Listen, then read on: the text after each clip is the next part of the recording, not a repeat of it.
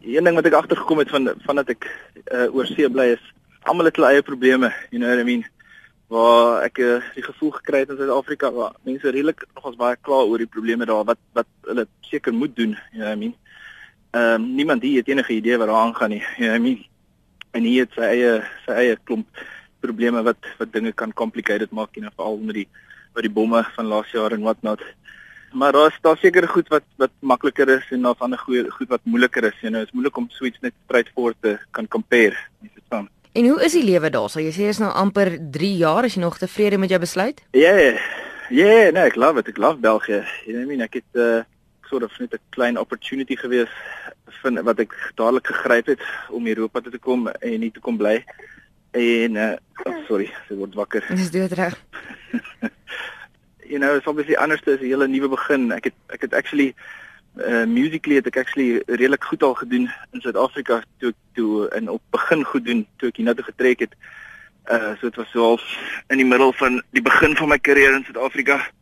Moes ek weer van voor af hierso begin begin het, maar uh behalwe behalwe vir dit is dit is regtig amazing. You know, ek het so ek het soort van in Suid-Afrika creatively nie financially nie, maar creatively het ek het ek kan op my peak my peak bereik.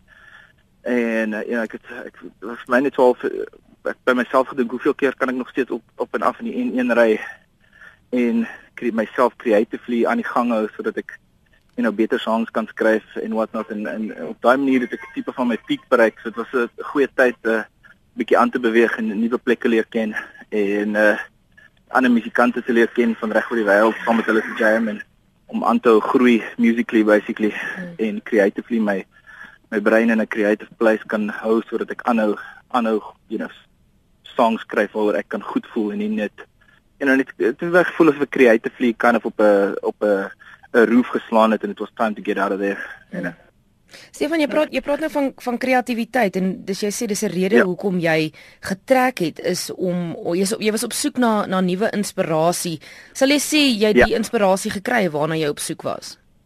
Ehm um, wel dis maar 'n uh, 'n uh, ding wat mens alhalf is, is something that keeps on going en dis iets wat mens net op eendag so wow okay there it is nie verstaan. Uh ek het definitief baie gegroei as 'n musikant en creatively het ek al baie gegroei ehm um, vandat ek hier is en vandat ek veral met die tipe musikante wat ek leer ken het hier en en uh, net hulle manier van uh, ja net die manier van hoe die hoe hulle industrie hier werk en staf het my al klaar in 'n in 'n in 'n hele nuwe level ingepush van uh uh creativity en en besigheid gewys in in die musiekindustrie obviously. Jy sien dit baie um interessante musikante ontmoet. Jy werk ook saam met baie musikante. Jou nuutste ja. enkelsnit, hy's vrygestel. Jy het dit opgeneem saam met Klaas Delroos. Die snit se naam is vir nou voor nu. Basically vir nou vir nou is obviously die Afrikaanse naam en dan. Voor nu. Dis dis dis dis like hoe mense sê vir nou in Vlaams basically. Ja. Yeah. Vertel ons bietjie waar gaan hierdie lied? Uh wel dis dis obviously 'n song ehm um, van 'n nuwe begin basically. you know. En uh, dit was actually it's actually die heel eerste Afrikaanse liedjie wat ek geskryf het wat weird is wat ek altyd Engels gesing het terwyl ek in Suid-Afrika was en nou die eerste song wat ek skryf vandat ek uit Suid-Afrika is is 'n Afrikaanse song. En dit is actually ehm um, Brussel Volksteater het my gevra om 'n liedjie vir hulle te skryf in Afrikaans van lewe as 'n as 'n foreigner in Brussels wat uh, op 'n uh, groot ding is waar almal op you know is 'n groot ding in Europa almal praat daaroor of obviously met die refugee crisis en en wat not.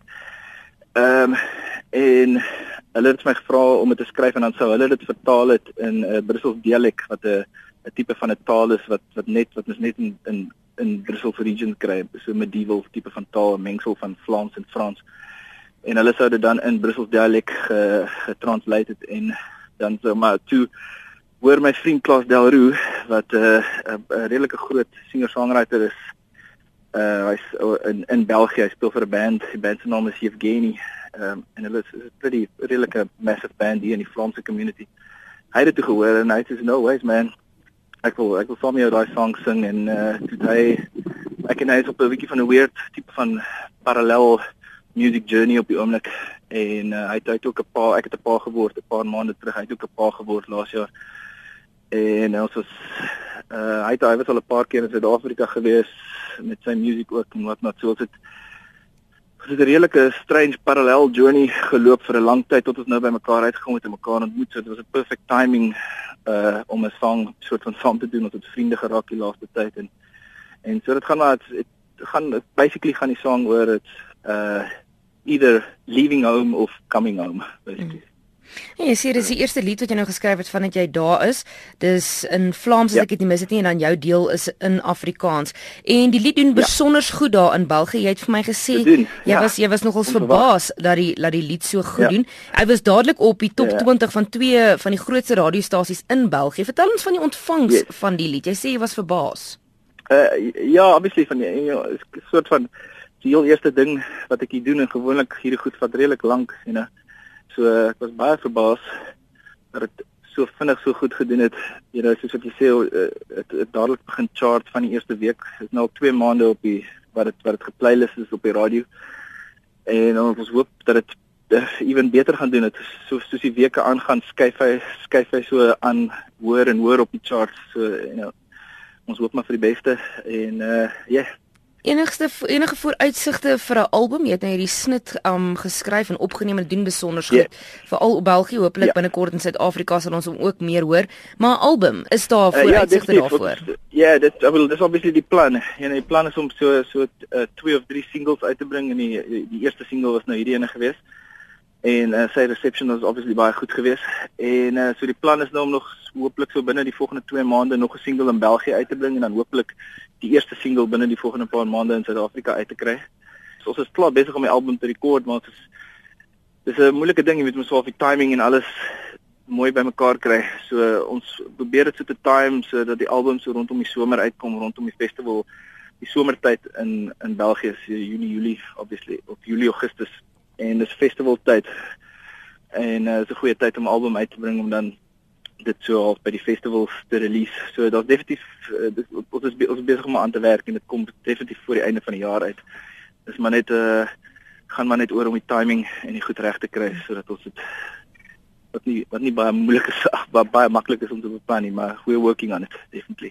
Jy het 'n pasgebore dogtertjie. Ons het al vroeër in die onderhoud het ons bietjie gehoor haar gesels sy in die agtergrond. Jy sê sy is besig om wakker te ja, word. Ja, ja. Jy beskryf ek jouself as 'n stay-at-home dad. Hoe hoe het jou lewe verander vanaf die pink voet in die huis is? Actually nie soveel nie. It's actually it was actually a heavy uh natural oorgang gewees. Uh you know, ek het baie al my vriende het my so beskryf dat ja, jou lewe gaan verander en jy gaan hierdie like crazy uh, enlightened moment hê, you know, wanneer sy gebore was en vir my was dit net so heel normaal, you know, van sy was gebore, ek weet dit was pretty intense geweest die geboorte self, maar uh, en toe sy daar en toe sy's nou amper 5 maande oud en uh dit voel asof ek haar nog my hele lewe ken basically. So so meeste van vir my persoonlik het alles swaalf net dieselfde gebly nou was net so hierdie cool klein persoon persoontjie wat saam met my uithang basically in die dag. En die lekker ding is obviously ek is 'n musikant so meeste van die tyd werk ek in die aande. Uh so ek is ek is ek is by die huis hierdie dag so ek kan uh ek baie eintlik baie bevoorreg om heeldag saam met haar te hang en met haar te gaan rondstap in die stad hier in Brussel. So uh so ja, yeah, baie ek is baie baie lucky, baie bly. So die aanpassing was nie so erg nie. Ja, you know. Mm. Oh, hy het sy moeilike tye, maar maar is glad nie so erg soos wat uh, mense dit uh, beskryf het voordat sy hier was nie. Ja, baie min paas kry daai geleentheid om so baie tyd saam met 'n pasgebore babatjie te spandeer. Stefan, ja. sal jy terugkeer na jou geboorteland of is yes. België waar jy jouself sien? I don't know man, ek ek probeer ek ek probeer in die in die verlede in te kyk en ek probeer ook nie te ver in die toekoms in te kyk nie. Like ek, ek probeer soveel as moontlik as wat ek in my lewe like nou in die presente kan hou. En ek sal obviously as my geboorteland, ek sal obviously eendag wil terugkom, maar uh, uh when eh ek het geen idee op hierdie stadium nie, maar obviously sal ek love, maar die een ding is ook ek you know as 'n 'n kunstenaar voel ek dit is, is belangrik om aan te hou beweeg, you know I mean nie net ja, ek het ek het vir 30 jaar basically 30 jaar, 32 jaar in Suid-Afrika. Nee, 30 jaar in Suid-Afrika gebly en uh, I've seen it en dis 'n groot wêreld daar buite ja I mean en ek sal ek sal wil soveel as moontlik van die res van die wêreld wil sien voordat uh, voordat dit uh, die einde is mm. basically so uh, hopelik kan ek uh, as ek probably heel wat ouer is you never know kan miskien oor volgende jaar terugtrek. You never know what happens, you know. Maar ek ek beplan nie te veel nie. Like uh take it as it comes and uh and we see how things go.